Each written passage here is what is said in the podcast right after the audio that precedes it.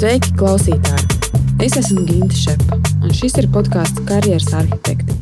Tavs ceļvedis ar praktiskiem padomiem un metodēm darba dzīves situācijām, kad piezogas jautājums, un ko tālāk. Tās būs sarunas ar cilvēkiem no dažādām industrijām, par viņu karjeras ceļiem, dažādiem veidiem, kā cilvēki realizē sevi, un pāris praktisku padomu no manis saistībā ar karjeras attīstību. Karjeras arhitektiem var sekot arī Facebook un Instagram. Tur es mēdzu padalīties ar vērtīgiem resursiem saistībā ar karjeras attīstību. Kad domāju, kā pieteikt man šīs dienas viesiņu, es nevarēju izdomāt, no kur gala sākt. Mans sarunas biedrene šodien ir Marina Petrakova. Marina ir audiologopēds, paralēli viņa vada savu IT jaunu uzņēmumu VReach, kas veido jaunu metodoloģiju, izmantojot virtuālo realitāti, lai palīdzētu bērniem ar autismu. Un tam visam pa vidu Marina ir aktīva Rīgas tegrāls dalībniece. Viņa organizē izglītojošus pasākumus, kas veicina sieviešu iesaisti IT industrijā. Ar Marinu man gribas aprunāties, kā viņai ir izdevies apvienot it kā šķietami dažādas profesionālās jomas - medicīnu un IT, un kā tas ir veidot un vadīt savu jaunu uzņēmumu. Čau, Marina! Sveiki, mīļie klausītāji un Ginta. Prieks! Mm, man arī. Uh, pirms mēs bijām iepazinušās, es biju tevi pamanījusi. Nu, tev grūti nepamanīt, kā aktīva Rīgas tegrāls dalībniece. Un es biju pārliecināta, ka tu nāc no IT pasaules. Un tad es interesi pēc ieskatījos tavā LinkedIn profilā, un es skatos, paga, te kaut kas interesants. Marinai nav IT izglītības. Viņa vispār ir uh, kliniskais speciālists. Ko viņa dara Rīgas degrāls, kāds sakars?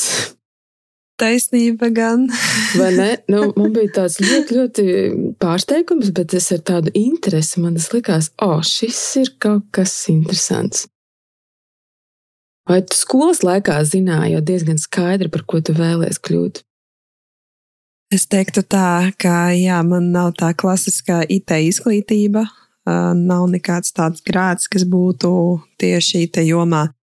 Bet ne, īstenībā jau no paša sākuma bērnībā es biju apzinājusies tādu, nu, toreiz es teiktu tādu diezgan infantīlu sapni, ka es gribu palīdzēt cilvēkiem, un bērnībā man bija, nu, arī jaunākos gados bija tāds apsvērums, ka vienīgā vienīgais veids, kā es varu palīdzēt cilvēkiem, ir ārstēt viņus. Un īstenībā toreiz, kad es biju pabeigusi skolu, mm, pat cik man ar tiešām zinātnēm, ar matemātiku, fiziku bija diezgan, teiksim tā, neslikti, bet sarežģītas attiecības, es sapratu, ka vienīgā lieta, kā es varētu visus savus hobijus un talantus apvienot vienā, ir iet studēt kaut ko klīnisku, medicīnisku, un tad arī iestājos Rīgas Strādņu universitātē, tā kā rehabilitācijas fakultātē, programmā audiologopēdija, ko es arī esmu absolvējusi. Un, nu jā, kamēr biju, teiksim tā, studējusi uh,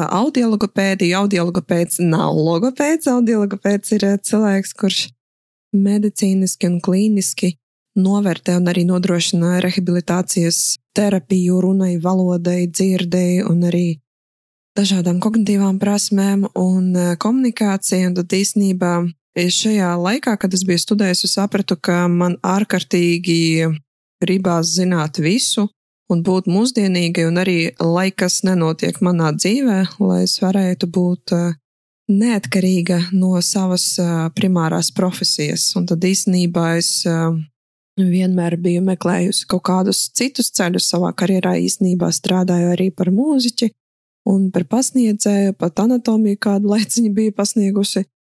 Un e, jā, pēdējā kursā, kad es biju atgriezusies no Portugāles, kas īstenībā manu dzīvi tā nodalīja uz divām pusēm, mana labākā draudzene Alīna Karpieļcevā teica, ka mēs dibinām Riga Girls kopienu, tehnoloģiskā kopiena, kas atbalstīs e, meitenes un sievietes e, IT jomā un arī veicinās to digitalizācijas un uh, informētības līmeni uh, sieviešu starpā. Davai atnāc uz pirmo to nodarbību, darbnīcu, vai tu gribētu pamēģināt kodēt, un es teicu, protams, ka es gribu, es vispār nezinu, kā tas ir. Bet es vēlētos, un tad, tad no jau pašās pirmās, teiksim, tā nodarbības darbnīcas biju klāt Rigata Girls pakāpeniski, nu, gandrīz jau uzreiz sāku veidot tā saucamo sociālo mediju menedžmentu. Toreiz es jau nebiju zinājusi, ka tas tāds ir, bet biju veidojusi Instagram un citus sociālos tīklus, un pakāpeniski sāku arī pati organizēt un veidot to saturu dažādiem pasākumiem, pārsvarā darbnīcām, praktiskām, gan programmēšanā, gan arī citās uh, tēmās. Un aptuveni pēc gada uh, paliku par tādu, nu, kļuvu, teiksim tā, par tādu pilnvērtīgu līdzradītāju kopā ar uh, citām burvīgām kolēģiem. Un tā arī sākās mans ceļš tieši IT nozarē, jo īstenībā man nav tā klasiskā izglītība, kā jau biju pieminējusi, bet es vienmēr biju uh, diezgan ciešā saiknē ar tehnoloģijām, jo pirms tam uh, izklaides ziņā biju strādājusi par uh, weblapas administratori kādu laiciņu, kad es biju pusaudze, un arī diezgan draudzējos ar skaņu programmatūru, uh, tā kā ierakstu programmatūru, jo arī biju mūziķe. Un diezgan tehnoloģijas bija tādas, eh, tas, kas eh, vienmēr bija neatņemama daļa, vienkārši tas, eh, teiksim, tā netika pielietots tik profesionāli. Un tad, kad es sāku jau strādāt par audiologopēdu, bet sāku es jau strādāt, teiksim, pēdējos kursos universitātē, mācījos kopā jau tos piecus gadus. Un es, es sapratu, ka īstenībā šī sfēra, veselības aprūpe un arī izglītības nozare ir kaut kas interesants, jo tā pasaulē, kur es biju dzīvojusi, savā tehnoloģiskā pasaulē, un kur īstenībā visus materiālus un arī visas lietas, ar kurām es darbojos, ārkārtīgi digitalizēju un mēģināju izdomāt kaut kādus tehnoloģiskus risinājumus. Sākot strādāt dažādos gan valsts iestādēs, gan arī privātās, man vienkārši es uzreiz sapratu, ka tur ir kaut kāda milzīga atšķirība starp tām nozarēm, starp IT un veselības aprūpi. Un tas ārkārtīgi ietekmē manu darba kvalitāti, tas ietekmē manu dzīvi, un diemžēl tas neietekmē labā ziņā. Tādā ziņā, ka uh, viena lieta ir palīdzēt kolēģiem, teiksim, izprintēt recepti, jo diemžēl sistēmas ir tik sarežģītas, ka paši kolēģi ārsti to dažreiz pat nevar izdarīt. Toreiz Un otra lieta, kad es sapratu, ka ārkārtīgi daudz dažādas lietas varētu būt automatizētas veselības aprūpē, un arī vajadzētu izmantot dažādas tehnoloģijas tieši pacientu problēmu risināšanā. Jo ir dažādi paņēmieni, bet tie paņēmieni nederēja manos apstākļos. Manos apstākļos es domāju par to, ka es biju strādājusi lielā slimnīcā, dienā man bija minimums astoņi, deviņi pacienti ar sarežģītām. Tas ir daudz, jā. Jā, un vēl pie tā arī, pat cik es strādāju ar bērniem, arī vecāki, un um, vienmēr gribējās sniegt to vislabāko, to atbalstu, to izglītošanu un visu pārējo, un šādos apstākļos es nevarēju pildīt savu darbu uh, tik labi, cik es to biju iedomājusies. Un tad īstenībā nākās kaut ko pašai izdomāt. Vajadzētu lietotni, teiksim, vārdu krājuma automatizācijai, tad es to uztaisīju. Vajadzēja izveidot jaunu vidi, lai uh, visus kairinājumus uh, bērnam, teiksim, tā noņemt, jo viņš nāk jaunajā vidē, kur stāv jaunā marīna, vēl kaut ko no viņa mm. grib, un arī diezgan sarežģīti dažreiz dabūt ārā tādu bērnu, kurš eh, ir atvērts un ātri var sniegt tos rezultātus. Un, eh, jā, šobrīd runāju tieši par bērniem ar autisko spektru. Un tad eh, es sāku veidot dažādus risinājumus, kas ir vairāk sarežģīti, ar vairāk sarežģītu arhitektūru, teiksim, virtuālas realitātes pieredzes un papildinātas realitātes pieredzes, kas tieši deva to pievienoto vērtību Respektīvi, es varēju ar eh, šādiem saviem nosacītiem izgudrojumiem eh, veikt savu darbu ātrāk, labāk un uh, kvalitatīvāk. Mm -hmm. Un, jā, strādājot arī dažādos, dažādās iestādēs, un arī savā privātā praksē, es sapratu, ka tas strādā, man, mani, teiksim, tā tie risinājumi strādā ne tikai man, bet arī eh, dodu saviem kolēģiem, eh, arī funkcionāliem specialistiem izmantot, un arī diezgan labas atsauksmes bija. Un tad kaut kādā brīdī, jā, es sapratu, ka Es uh, mēģināšu izzināt visu, kas man, ir, kas man šobrīd interesē, un toreiz man interesēja pilnīgi viss no IT sfēras. Respektīvi, mācījos ārkārtīgi daudz, un visa tā izglītība ir pārsvarā neformāla, un um, kaut kādos kursos, kaut kā, kaut kā, kaut kā. Un biju mācījusies diezgan daudz ko, gan biznesa modelēšanu, gan arī programmēšanu, gan arī mārketingu un e, virtuālās realitātes, e, teiksim, tā programmatūras izstrādi un e, jā, dažādas lietas. Un strādāju arī dažādās kompānijās un projektos, vadīju komandas un arī pati biju izstrādājusi dažādus risinājumus, arī kā UX izpētes speciālisti biju strādājusi vairākos veselības aprūpas tehnoloģiskos tādos projektos. Un vienā brīdī es vienkārši sapratu, ka man vitāli nepieciešams savienot manu IT pusi, vienu personību ar veselības aprūpes pusi, jo tas, tās atšķirības gan domāšanas veidā, gan arī iespējās ir dramatiski lielas. Un es ārkārtīgi gribētu uzlabot gan maniem kolēģiem, gan arī sev to pieredzi strādājot šajā nozarē. Un, jā, tā aptuveni sāka parādīties doma, ka vajadzētu radīt kaut kādu produktu. Jā. Jā. Tagad es saprotu, kā tās divas pasaules tu viņus savedi kopā. Nu, un kas tad, un, un jā, kā tu nonāci līdz tam produktam, ko tu šodien izstrādā? Kas tas ir par produktu? Jā, īstenībā produkts ir ārkārtīgi netriviāls, virtuāls realitātes pieredzes un metodoloģija, kas veicina labāku, ātrāku un foršāku pieredzi savā darbā, veselības aprūpes un rehabilitācijas profesionāļiem, respektīvi audiologopēdiem, ergoterapeitiem arī citiem specialistiem. Bērniem tas sniedz ātrākus un labākus rehabilitācijas terapijas rezultātus, un arī patīkamākus, un arī Vecākiem tas sniedz tādu, teiksim, tā caurspīdīgumu un lielāku iesaisti. Un īstenībā, kā es biju to iesākusi, bija, teiksim, tā viena programma, kuras iestājos mācīties, un man palūdza izdomāt kaut kādas problēmas veselības aprūpē. Vienkārši pajautāju, vai man ir kaut kādas idejas, ko varētu atrisināt, un es nāku tā kā ar 15 idejām, ko varētu uzlabot. un uh, izstāstīju tās idejas, un viena ideja ieguva lielāku tādu atbalstu, savācu komandu no programmētājiem. Un es, principā, un tā mēs sākām strādāt pie tās idejas, kas likās uh, tā, tā kā globālāk un vairāk pietuvināta tieši tai manai nodarbei, ko es toreiz biju darījusi. Toreiz es strādāju bērnu slimnīcā un pārsvarā strādāju ar bērniem ar autismu ārkārtīgi daudz. Un praksa tā bija diezgan liela, vairāk par septiņiem gadiem kopā nozarē nostrādāju un um, sapratu, ka vēlētos veidot risinājumu, kas tieši sniegs to nepieciešamo vidi, dažādu prasmju korekciju bērniem ar autisko spektru. Tādiem bērniem ir ārkārtīgi daudz eh, dažādas, eh, teiksim tā, vides eh, lietas, kas varētu veicināt stresu un arī nes, nedot to iespēju labi adaptēties un socializēties mūsdienu dzīvē, teiksim tā. Un tad es izdomāju, ka es vēlētos sniegt atbalstu caur virtuālo realitāti. Nu, tā mēs sākām. Tas bija pirms trīs gadiem.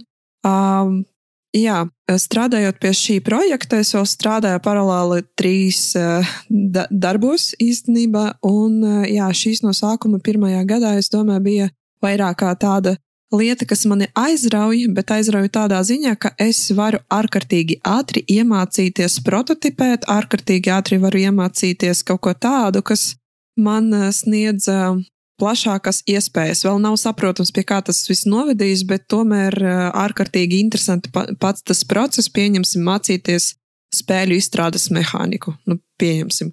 Vai arī mācīties uh, virtuālās realitātes vides dizainu vai kaut ko tam līdzīgu. Un pakāpeniski es sapratu, ka tā nav tikai virtuālās realitātes pieredze bērniem ar autismu, tas ir kaut kas daudz, daudz lielākais un vērtīgākais. Un pa trīs gadiem mēs izveidojām tādu milzīgu prototipu, kur iekšā ir arī tāda, teiksim, tā datu paradigma, respektīvi, mēs nodrošinām to objektīvo terapiju mūsdien uh, ir tāda tendence, ka funkcionāli speciālisti ļoti bieži strādā uz subjektīviem datiem, respektīvi sniedz subjektīvi, subjektīvas datus par pacientu veselību un arī par to rehabilitācijas mērķu sasniegšanu, teiksim tā. Un vecākiem, gan arī pašiem specialistiem dažreiz arī nav skaidrs, kas ir sagaidāms rezultātā. Un tas, ko mēs veidojām, arī tāds datu, jā, īstenībā diezgan sarežģīti daž, dažreiz to nodefinēt tā, lai būtu smuki, bet uh, ar vienkāršiem vārdiem sakot, mēs nodrošinam dažādu datu pārraidi tiešsaistē un arī analītiku, kas dod funkcionālajiem specialistiem veidot pareizos mērķus un arī pareizos uh, risinājumus izvēlēties savā terapijā un arī rezultātu sasniegšanā. Kā jums uzreiz ir tādi re reālā laika dati, ja, pēc tam, ko strādāt? Jā, un mm. ar to arī ves, viss nebeidzās. Viss arī turpinās ar to, ka um, šīs mūsu produkts viņš atrisina dažādu klā, problēmu klāstu ne tikai pašiem bērniem vai vecākiem, bet arī tiem profesionāļiem. Jo, godīgi sakot, es diezgan maz pazīstu funkcionālos speciālistus, kuri līdz saviem 25 gadiem nebija pārdzīvojuši izdegšanu. Un tā izdegšana nav tā, tikai tā personīga problēma. Tā ir diezgan dramatiska liela problēma, jo mācoties, tā ir viena lieta, bet strādājot, gribās, lai tos pacients patiešām saņemtu vispiemērotāko un pielāgoto viņam terapiju, bet tas atkal pieprasa ārkārtīgi daudz laika, ārkārtīgi daudz um, augstās koncentrācijas tādu fokusu un arī uzmanību, un tāpat arī katram pacientam vajadzētu pielāgot visus materiālus, gan novērtēšanā, gan arī terapijā, un tas arī aizņem ārkārtīgi daudz laika. Un tas viss aizved pie tā, ka tā izdegšana arī ietekmē to darba kvalitāti.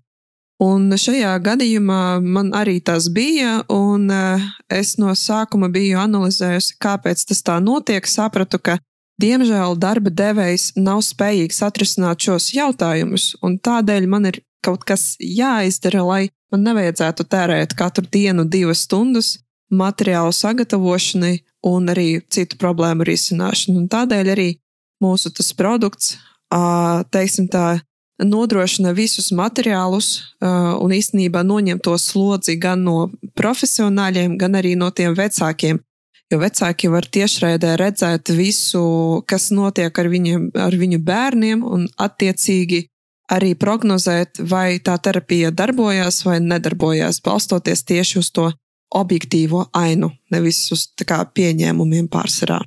Okay. Man gribas um, tagad drusku pieskarties um, tam stāstam par tavu uzņēmumu, par, par tavu komandu un kā tas viss ir attīstījies. Tu teici, ka tu, tev bija ideja, tu savāci komandu. Man uzreiz rodas jautājums, kā tev izdevās savākt komandu ar programmētājiem? No kurienes tu viņus izrāvi? Īstenībā es neteiktu, ka tas varētu būt milzīgs izaicinājums manā mm, situācijā, jo diezgan esmu atvērts jaunajiem kontaktiem cilvēks. Un tajā brīdī, kad es teiksim, tā, biju meklējusi cilvēkus, ar kuriem es varētu sadarboties, es nebiju tā kā izolēta no saviem draugiem un paziņām, un pat cik mana labākā draudzene ir programmētāja, tā kā tā pati Rigaca Girls līdzdibinātāja. Es diezgan daudz arī pazīstu programmētājus, un īstenībā tā arī sanāca, ka, kad tu esi vienā uh, nosacītā kopienā, tad arī tu vairāk vai mazāk pazīsti cilvēkus. Mm. Jā, un kā es savācu tieši to savu komandu, kas šobrīd darbojas. Jo tev ir jābūt līdzīgi domājošiem cilvēkiem, kuri tai idejai arī notic. Es teiktu tā, ka es neticu ticēšanai. es ticu vairāk tādā cienīgā attieksmē, respektīvi, skaties, es tev piedāvāju strādāt pie uh, foršā sociāla medicīniskā tehnoloģiskā produkta. Ar šo produktu tu varēsi attīstīt savas prasmes, arī attīstīt savu karjeru, vai tev tas interesē. Uh -huh. Īstenībā, nu, es pa tādu vairāk caurspīdīgumu un konkrē, konkrēto, bet tomēr, jā, tas emocionālais aspekts arī ir. Visa mūsu komanda, kas šobrīd strādā, ir ārkārtīgi tāda entuziastiska, teiksim tā, dažreiz arī drusku vairāk nekā es, jo katru dienu nodarbojoties ar tādām lietām, dažreiz arī iestājās drusku skepticisms, bet jā, tas nav tas. Tas, tas vajadzīgs skepticisms, tādēļ arī tā komanda, kas arī tevi iedvesmo, ārkārtīgi svarīga. Ar programmētājiem biju tikusies Latvijas Universitātes datorikas fakultātē, toreiz apmeklējot to vienu kursu, kur arī iepazinos ar tiem programmētājiem, kas šobrīd strādā arī mūsu jaunu uzņēmumā. Un, jā, un arī ar pārējiem komandas biedriem bija iepazinusies hackatonos, kur arī mm. bija piedalījusies. Un arī pat cik esmu līdzdibinājusi XR Latvijā kopienu, tur arī satiku vajadzīgās kompetences un arī biju līdzdibinājusi Girls Do IT kopienu Maskavā, kur arī biju iepazinusies ar lielisku dizaineri, kurā arī tiek pieicināta manā projektā un īsnībā jā, strādā par dizaineri pie mums. Kopiena Maskavā. Kāpēc Maskavā? Īstenībā viss ir diezgan, diezgan vienkārši. Biju dzimusi Maskavā, un mana ģimene Redz viena, kā. jā, teiksim, tā viena, viena daļa ir no Latvijas, otra daļa ir no Krievijas. Attiecīgi, diezgan tāds ir tāda saikne. Jā, Un īstenībā bija, bijām ar Rigica Gros organizējušas pirmo sieviešu hackathonu šajā martā, un tur bija atbraukusi burvīga meitene no Maskavas piedalīties šajā hackathonā, un pēc hackathona viņa gāja man klāt un, un, un teica, Marina, es abrīnoju, ko jūs darāt. Es ļoti vēlos, lai Maskavā arī parādās tāda kopiena, un tas arī īstenībā nebija pirmais tāds tāds uzaicinājums nosacīts, un es teicu, labi, es atbalstīšu, palīdzēšu, un savācām arī tādu komandu un līdzdibinājām arī kopienu, kas mm -hmm. atbalsta sievietes IT nozarē arī Maskavā. Nu, brīnišķīgi. Labi, atgriežoties pie komandas, tātad komanda bija savākusi.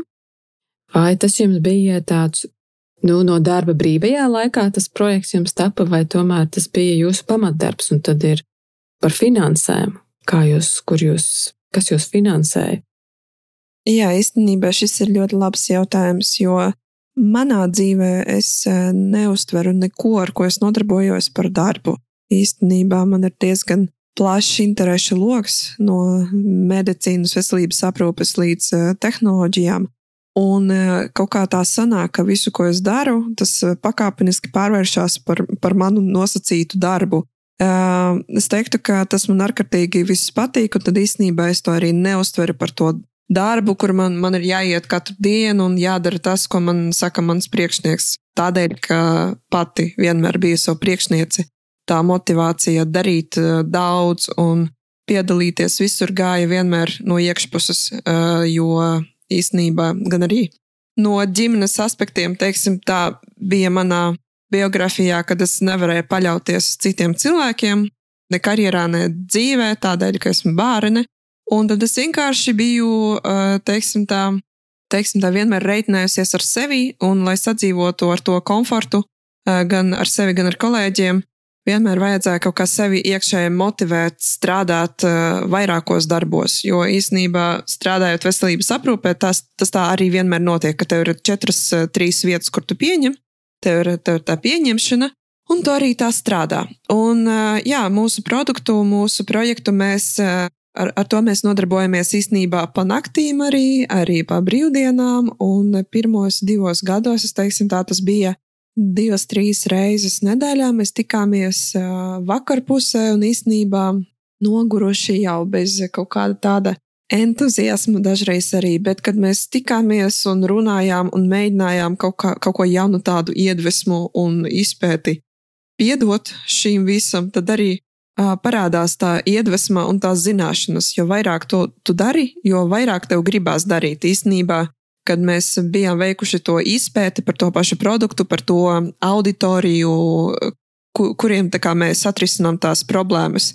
tas arī tā kā nenāk no, no teiksim, tā, tāpat. Tā kā bija daudz jāmācās, un arī šobrīd mācāmies to darīt. Un jā, viens otru atbalstam un arī ārkārtīgi iedvesmojam. Un pakāpeniski uh, es sapratu, ka es nezinu īsti, kā var attīstīt tādu netriviālu produktu, īstenībā veselības aprūpes un izglītības tehnoloģiju uz tādām robežām produktu, kas nav īsti triviāls, nav finansiālās tehnoloģijas vai vēl kaut kas tāds, kas vairāk saprotams, tad īstenībā mēs, es iesniedzu, iesniedzu pieteikumu uh, Lijā vienam no inkubatoram un īsnībā izgājām preinkubācijas to programmu, uh, bet sanāca tā, ka to programmu gāja, gāja cauri tai programmai tikai mans līdzdibinātājs, un es pati netiku, jo visu laiku īstenībā biju aizņemta citos darbos, un šai visai lieta varēja pieķerties tikai tur pa naktīm vai vispār nu, kaut kādā mežonīgā ritmā dzīvoju. Un pakāpeniski sapratu, ka ir jāparādās kaut kādam laikam, kad es varēšu vairs, teiksim, tā ieguvu visu pieredzi, kas man ir nepieciešama, ko es biju gribējusi dabūt no veselības aprūpes. Un tad varēšu pilnvērtīgi strādāt tikai pie virtuālās realitātes tehnoloģiskā projekta. Un, eh, jā, sanāca tā, ka bijām dažādos eh, konkursos, bijām dažādos hackatonos, vinnējām vairākus hackatonus.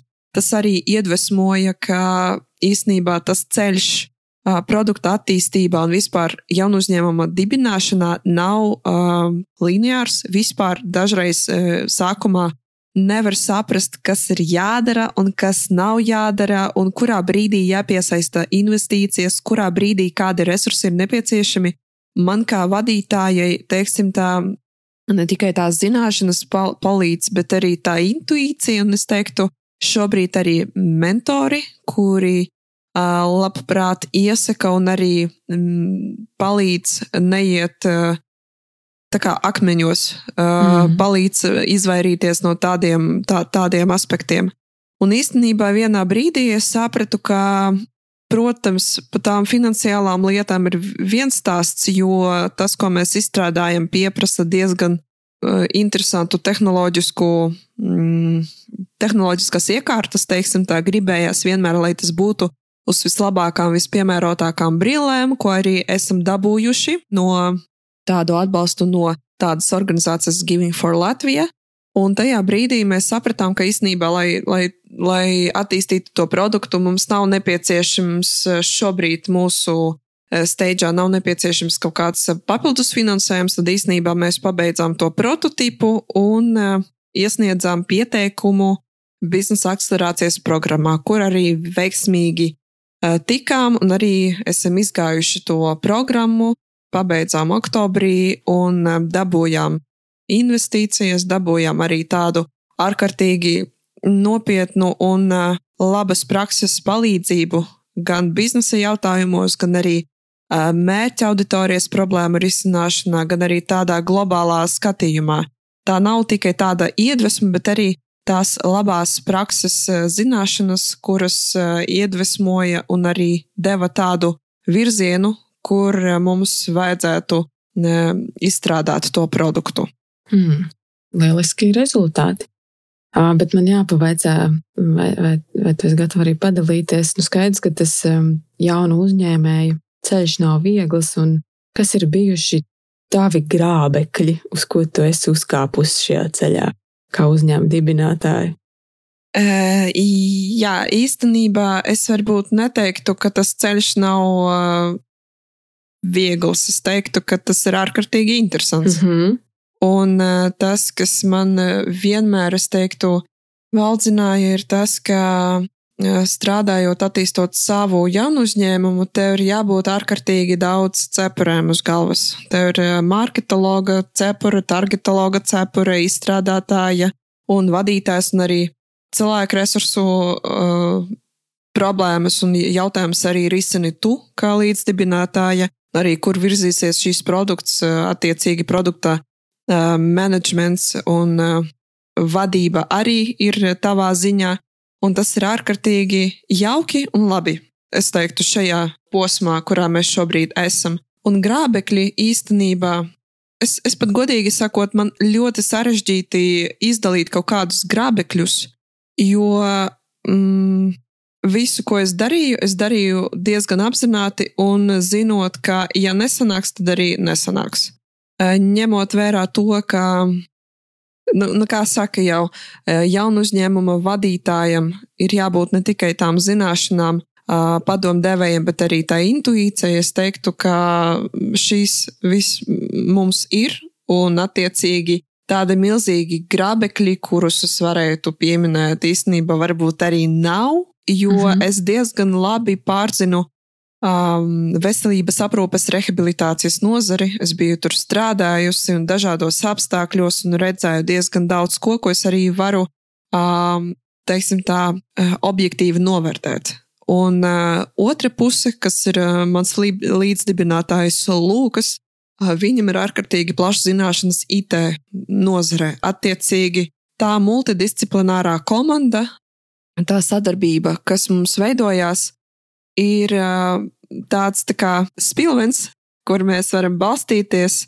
Un īstenībā, jā, es teiktu, ka dažādība resursos, dažādība viedokļos, dažādība pieredzēs veido mums to pamatu, kur tie grabekļi, teiksim tā, šobrīd pagaidām arī nav īsti bijuši. Ir apieti. jā, teiksim, ir apieti, jā. Jā.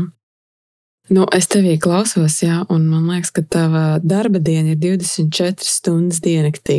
Un man dabīgi gribas tev pavaicāt, kā tu atjauno savu enerģiju, nu, vai ir veidi, kā tu priekš sevis atrodi laiku? Jā, īstenībā ļoti jauks jautājums. Paldies tev par, par to. Īstenībā Mans uh, dzīves ritms jau no pašas bērnības bija diezgan noslogots. Mācījos mūzikas skolā un dažādos kursos un skolā vēl. Un uh, jau diezgan agri savā dzīvē biju pamanījusi, ka man ir tāda, teiksim, tā raksturīpašība, kas saucās uzmanības deficīts, respektīvi. Mm, es to nosauktu tā, ka man visu laiku ir jāparslēdzās, respektīvi, es uh, man, man ir diezgan daudz tās nodarbes un diezgan daudz lietas, kas man, kas man veicina to uzmanību.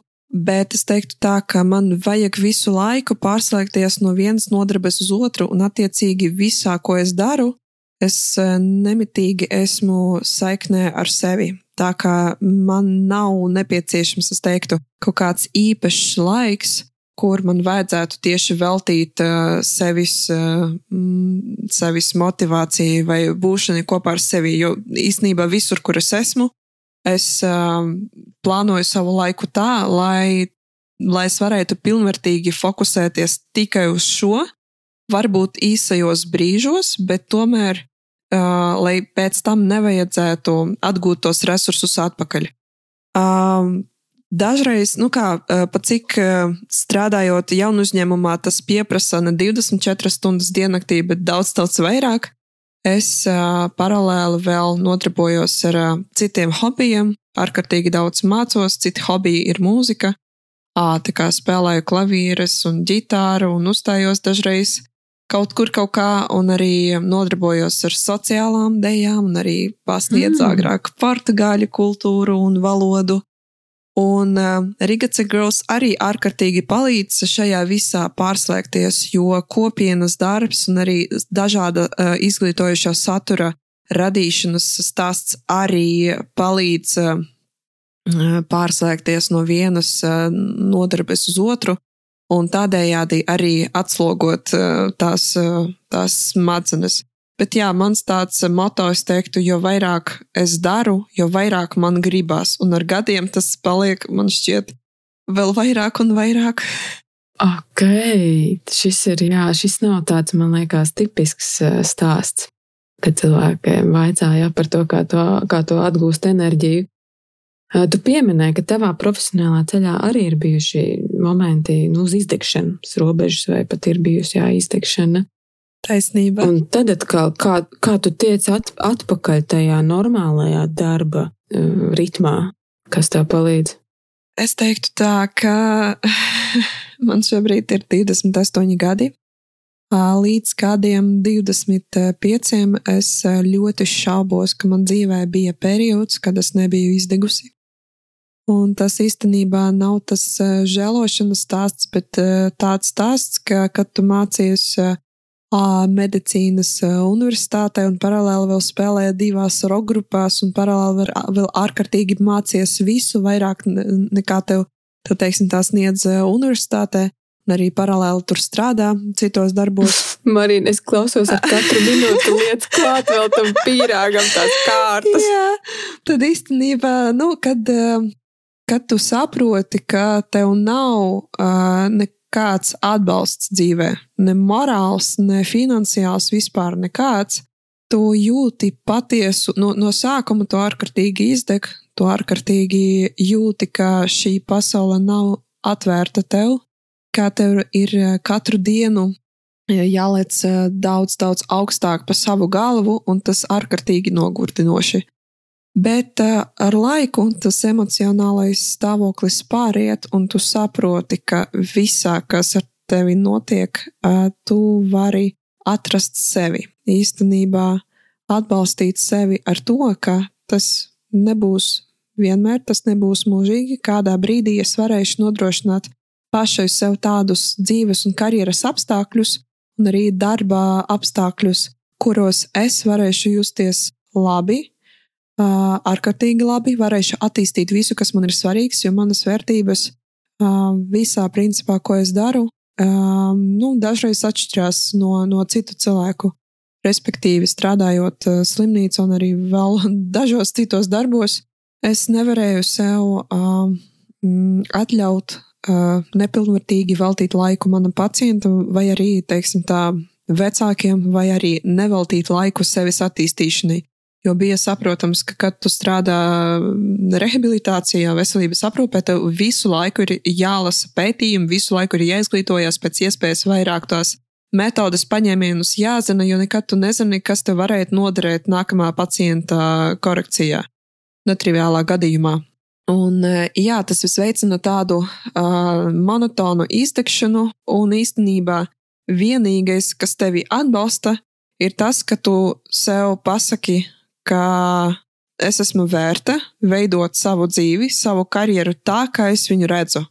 Uh, saskaņā ar savām vērtībām. Un man, manas vērtības ir nodrošināt vislabāko to palīdzību bērniem, vislabāko palīdzību saviem pacientiem, plus attīstīt savas profesionālās kompetences ne tikai rehabilitācijā, bet arī dažādos uh, citos aspektos, kas man lika, liekas ārkārtīgi svarīgas, teiksim, tā arī digitalizācijā, arī tehnoloģiju ieviešanā, arī inovāciju ieviešanā, arī kolēģu izglītošanā. Un tas ārkārtīgi stimulē un ārkārtīgi iedvesmo turpināt, uh, turpināt iegūt, apmācīties, skatīties, kā es varu darīt savu darbu un veltīt uh, savu laiku, savu dzīvi citu cilvēku problēmu risināšanai. Un īstenībā, jā, kādā brīdī es sapratu, ka mūsu valstī īstenībā nav tāds darba devējs, pie kura es varētu attīstīties ilgtermiņā, respektīvi, lai es varētu pati plānot savu laiku tā, kā es gribētu, veltīt pacientam vairāk laika, nevis tur 40 minūtes, bet ja pacients pieprasa un viņa vecāki pieprasa pusotru stundu, tad es arī gribu strādāt pusotru stundu, un arī, teiksim tā, menedžēt savus resursus, arī paspēt dzīvē pamācīties un arī kaut kādas citas lietas darīt, un arī darīt savu darbu ātri, kvalitatīvi un labi. Un arī, teiksim tā, nodrošināt to emocionālo atbalstu. Jo manā profesijā emocionālais atbalsts gan sev, gan vecākiem, gan kolēģiem ir ārkārtīgi svarīgs. Ja tu esi viens, tu neko nevari. Bet, ja tu vari sniegt, sniegt to emocionālo palīdzību un eh, empātisko pieeju vis, visām tām pusēm, tad arī tas automātiski tevi pasargā no izdegšanas, jo tu saproti, ka tu visu dari pareizi, ka tu esi pareizā ceļā. Jā, jaudīgi, jaudīgi, Marina. Kur tu redzēji savu uzņēmumu pēc pieciem gadiem? Ko jūs gribat sasniegt? Tas, ko mēs gribētu sasniegt, kā ārkārtīgi, nu, teiksim tā, šobrīd uh, tas, ko mēs veidojām, mēs sniedzam jaunāku, inovatīvāku, uh, citādāku pieredzi, veselības aprūpas un rehabilitācijas pieredzi gan uh, maniem kolēģiem, funkcionāliem specialistiem, gan arī bērniem, gan arī vecākiem. Un šobrīd mēs to darām Latvijā, bet noteikti pēc pieciem gadiem es domāju, ka Eiropas līmenī noteikti vairākās valstis ievesīs arī tādu metodoloģiju, kuru mēs izstrādājam. Tā metodoloģija iekļauj sevi dažādus paņēmienus, kā novērtēt un kā arī diagnosticēt un nodrošināt to audiologopēdisko vai ergoterapeitisko korekciju patīkamākā veidā, caurspīdīgākā veidā visām trim pusēm. Un tas ir tas, ko es noteikti gribētu redzēt ne tikai Latvijā, bet arī visā Eiropā. Lai tās sfēras, kurās mēs redzam dažādas stagnācijas pakāpes, lai tehnoloģijas patiešām mm, globāli izmaina to priekšstatu par problēmām un par tām problēmām, kuras, diemžēl, šobrīd ir diezgan fundamentālas pieņemsim, digitalizācijas nesamība rehabilitācijā, vai arī caurspīdīgās terapijas nesamība, kā arī dažreiz arī vairāki speciālisti un vairākās nozarēs tas izglītības līmenis nav tik, teiksim tā, tik pietiekošs, lai varētu nodrošināt to labāko palīdzību. Un īstenībā caur mūsu to produktu mēs arī izglītojam gan kolēģus, gan arī visas tās iesaistītās puses, kā var veidot to terapiju un to rehabilitāciju jaudīgāk, ātrāk, patīkamāk, lai noņemtu to noslodzi gan no specialistiem, gan no slimnīcām, gan no vecākiem, un arī nodrošināt to jaukāku, pēc iespējas jaukāku un piemērotāku um, rehabilitāciju tur, un tādā veidā, kā ir nepieciešams bērniem. Jo, nu, kāda ir tā galvenā vērtība ārstam vai ārstniecības personai, funkcionālam speciālistam? Lai bērns saņem tādu palīdzību, kāda viņam ir nepieciešama, bet dažreiz dažādu apstākļu dēļ tie speciālisti nevar zināt, kas ir tas vispiemērotākais. Un tas, par ko esmu pilnīgi pārliecināta, ka tehnoloģijas šajā ziņā un dažādi tādi sarežģītās arhitektūras risinājumi, kā mūsu, diezgan ātri maina gan to domāšanas veidu, gan to kritisku novērtēšanu pret to, ko dara, ar ko nodarbojās speciālisti, bet arī sniedz to jaunāku paradigmu un diezgan dramatisku vārdu pateikšu to cerību, ka tomēr tā rehabilitācija var notikt daudz, daudz ātrāk, kvalitatīvāk, pateicoties dažādām kompetencēm, prasmēm, kuras es ieguldu šajā produktā, kuras iegulda arī eh, kolēģi, mūsu diezgan liela komanda.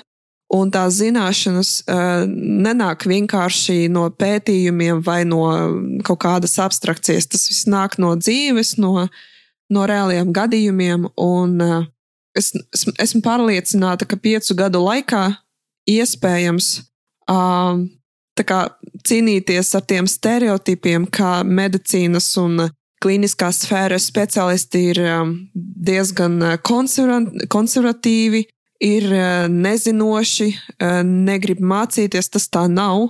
Un es ļoti gribētu, lai arī sabiedrība domātu citādāk par veselības aprūpes speciālistiem. Mums ir ārkārtīgi daudz jauku uh, ārstu, ārstniecības personu, funkcionālu speciālistu, kuri uh, ir atvērti jauniem risinājumiem, kuri ir ieinteresēti pēc iespējas labākas, um, labāku terapiju nodrošināt.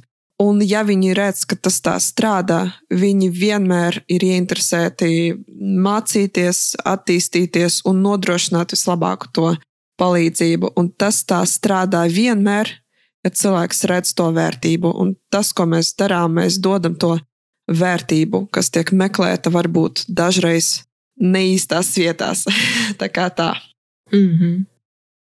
Milzīgs paldies, Marina, par, par tavu stāstu personīgo, gan arī to, ko, ko tu kopā ar savu komandu, ko jūs darāt. Man liekas, tas ir brīnišķīgs darbs. Es teiktu, gan arī kā misija. Paldies! Visiem, kam jūs ar savu darbu jau palīdzat un varētu palīdzēt nākotnē, man liekas, ka tur tiešām milzīgs, milzīgs paldies jums! Un es novēlu, lai Vīrīčs tiešām ir pēc pieciem gadiem zināms, dzirdams ne tikai Eiropā, bet vēl plašāk pasaules mērogā. Paldies, paldies. Ņemot vērā to, ka mēs eh, šobrīd mēs pārsvarā fokusējamies uz bērniem ar autismu, kuri ir ārkārtīgi daudz gan Latvijā, gan arī Eiropā.